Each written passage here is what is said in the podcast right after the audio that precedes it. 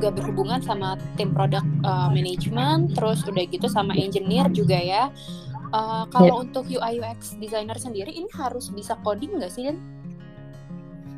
Sebenarnya nggak nggak wajib ya. Uh, kayak sunnah lah ya sunnah lah ya kalau kalau dilakuin dapat pahala kalau nggak dilakuin ya nggak apa-apa gitu uh, kalau kalau si desainer itu bisa coding itu nilai plus banget uh, hmm, hmm. maksudnya nggak terlalu jangan bukan bukan yang terlalu advance banget tapi uh, kena, kenapa kenapa itu jadi kayak suatu uh, jadi sunnah gitu karena ketika ketika bikin desain tuh dia tahu ininya tahu batasannya gitu loh jadi uh, misalkan kalau gua ngebuat uh, desain yang ikonnya kayak gini atau bentuknya yang kayak gini tuh oh gue tahu nih batasan gue tuh uh, nanti uh, di developmentnya bakalan uh, text time atau enggak. Terus um, kalau misalkan uh, bikin sesuatu tuh yang benar-benar semuanya itu make sense gitu. Jadi nggak yang uh, bukan kayak apa ya mungkin bukan kayak seniman gitu ya. Kayak seniman kan dikasih kanvas kita bebas banget gitu.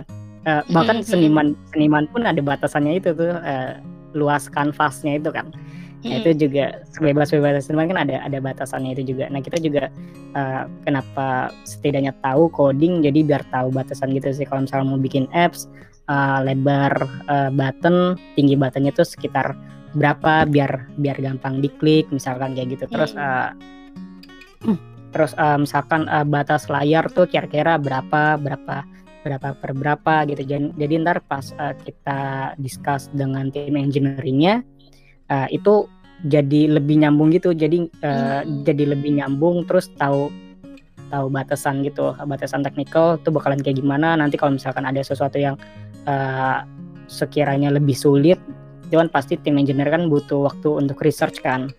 Ntar kita bakalan lihat lagi tuh ke belakang wah ini timelinenya cukup nggak ya kalau misalkan uh, sama researchnya gitu? Buat nyari tahu dan lain-lain. Uh, itu kan perlu kayak kemampuan atau pengetahuan ya at least ya sedikit lah tahu tahu uh, eh, HTML-nya tahu CSS misalkan.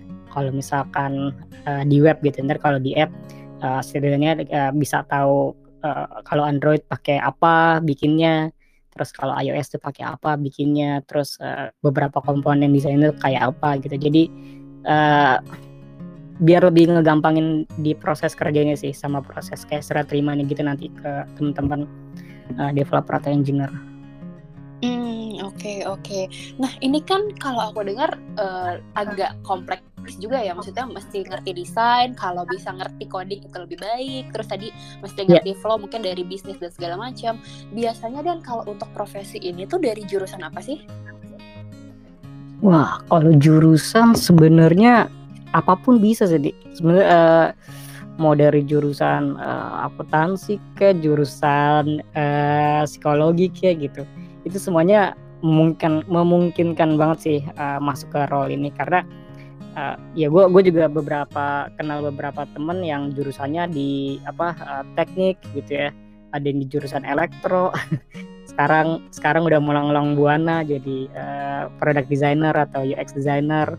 Ada yang jurusannya apa ya? Akuntansi bahkan ada uh, jadi head design di mana gitu ya hmm. ya sebenarnya kayak nggak nggak nggak terbatas sih nggak terbatas dari jurusan apa pun hmm oke okay, oke okay. iya kalau dulu tuh awal-awal kalau aku terima CV ya banyak kan kayak oh dari uh -huh. uh, computer science gitu atau misalnya yeah. dari yang masih berhubungan sama komputer lah tapi kayaknya makin ke sini uh -huh. kata ini sih makin beragam ya makin iya. beragam yeah makin beragam banget sih. Oke, nah kalau misalnya orang-orang yang bukan dari jurusan uh, teknologi gitu ya atau teknik, biasanya hmm. mereka kalau mau mulai belajar ini tuh dari mana deh? Nah, menarik nih kalau yang di luar jurusan itu. Karena yang menurut gue kayak uh, mereka teman-teman yang uh, di jurusan komputer science, uh, teknik informatika ataupun DKV gitu, uh, mereka udah punya satu nilai lebih nih, uh, bukan nilai lebih sih, kayak ini sih kayak apa ya? Uh, udah mulai udah duluan, udah mulai gitu. nyolong start ya mulai hmm. duluan udah udah mulai duluan udah nyolong start gitu ya dari DKP udah tahu uh, perihal uh, warna komposisi warna perihal tipografi perihal uh, komposisi desainnya kayak gimana kalau misalnya dari computer science uh, udah tahu udah udah nggak asing dengan bahasa-bahasa pemrograman terus udah nggak asing juga dengan role-role di dalam uh, perusahaan gitu ya. Ada yang product manager atau project manager ada yang role dan lain-lain. Tapi kalau teman-teman yang di luar uh, itu mungkin bakalan ini sih bakalan apa uh, punya ekstra kerja keras buat kayak ngikutin webinar terus ngikutin workshop dan lain-lain. Terus uh, ikut ini sih. Ini ini gue juga baru baru ketemu pattern yang ini kayak selama setahun belakangan. Jadi setahun belakang tuh eh, kerennya teman-teman yang pada fresh grad atau yang belum belum lulus bahkan mereka ngambil internship gitu internship di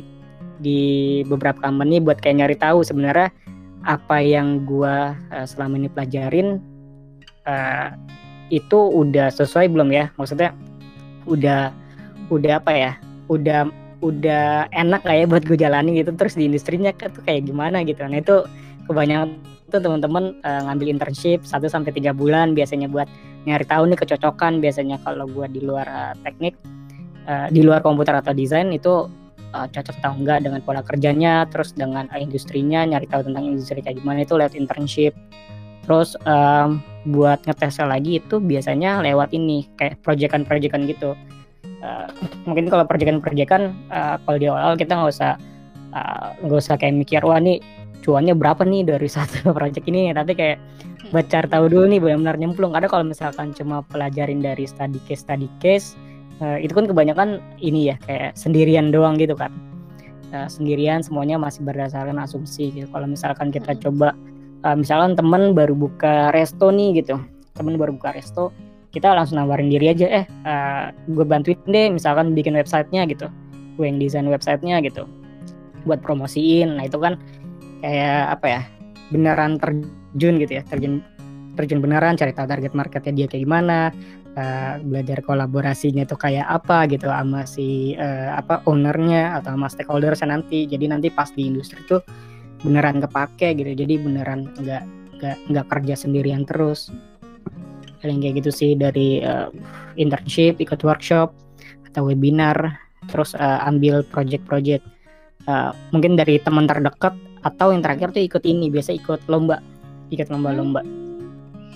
Itu juga bisa bisa masuk tuh Oke, ini magang menarik banget sih. Selain kita belajar dari ahli langsung gitu ya, kan ada supervisornya gitu.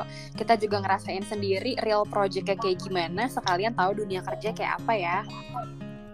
Iya, banyak ini uh, yang lu lihat gimana? Kan lumayan banyak ya yang teman-teman yang di luar jurusan kayak nyobain uh, role ini, role ini itu lewat internship gitu. Oh iya, keren iya, banget sih. Iya justru menarik banget sih kalau internship kan biasanya lebih apa ya lebih leluasa ya dibandingkan kita kerja full time yeah. mau jurusan yang gak hmm. nyambung pun uh, selama ada potensinya tuh bisa gitu dan kalau nanti akhirnya kita nyari kerjaan full time justru nanti recruiter akan ngeliat banget tuh pengalaman internshipnya kalau misalnya itu emang hmm. relate hmm uh, jurusan yang gak nyambung juga nggak apa-apa gitu. Yang penting oh nih anak udah pernah nih nyobain di real projectnya kayak apa.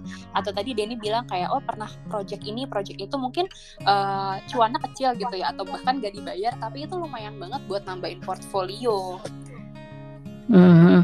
ya nih gue gue mau nanya boleh sih dari sisi recruiter nih. Boleh boleh.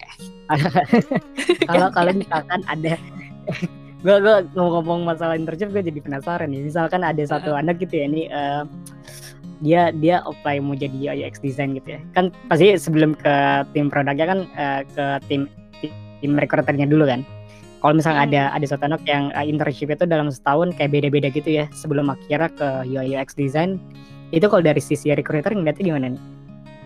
Oke, ini ngomonginnya internship ya. Iya. Yeah kalau dari sisi recruiter justru kalau anaknya ini banyak pengalaman internship itu menarik sih uh, walaupun bidangnya beda-beda ya bidangnya beda-beda. Mungkin ada yang dia di hmm. UI UX mungkin dia habis itu ada yang di engineering ada yang mungkin di marketing communication atau di mana. Justru kalau dari sisi recruiter bagus itu artinya dia explore uh, dia tuh maunya apa sukanya apa. Bahkan dia jadi uh, knowledge-nya tuh banyak gitu nggak hanya di satu bidang. Oh dia ngerti juga nih uh, misalnya engineering tuh seperti apa. Dia ngerti juga nih produk seperti apa. Atau mungkin dia di markom uh, ngerti juga nih markom seperti apa gitu. Jadi walaupun cuma sebentar-sebentar kalau untuk internship itu uh, bagus sih untuk knowledge-nya dia dan dan itu juga nunjukin bahwa dia tuh anaknya senang belajar gitu. Tapi beda kalau misalnya orang udah kerja full time gitu ya. Kerja full time tiga bulan pindah tiga bulan pindah tiga bulan pindah. Nah itu beda tuh. Pertanyaan Bukan, besar ya? Itu justru pertanyaan besar. Ini kenapa baru sebentar pindah-pindah gitu? Kalau internship kan emang uh, ada kontraknya kan? Biasanya kayak tiga bulan yeah, iya. doang yeah. gitu atau sebulan yeah. doang gitu sih. Oke okay.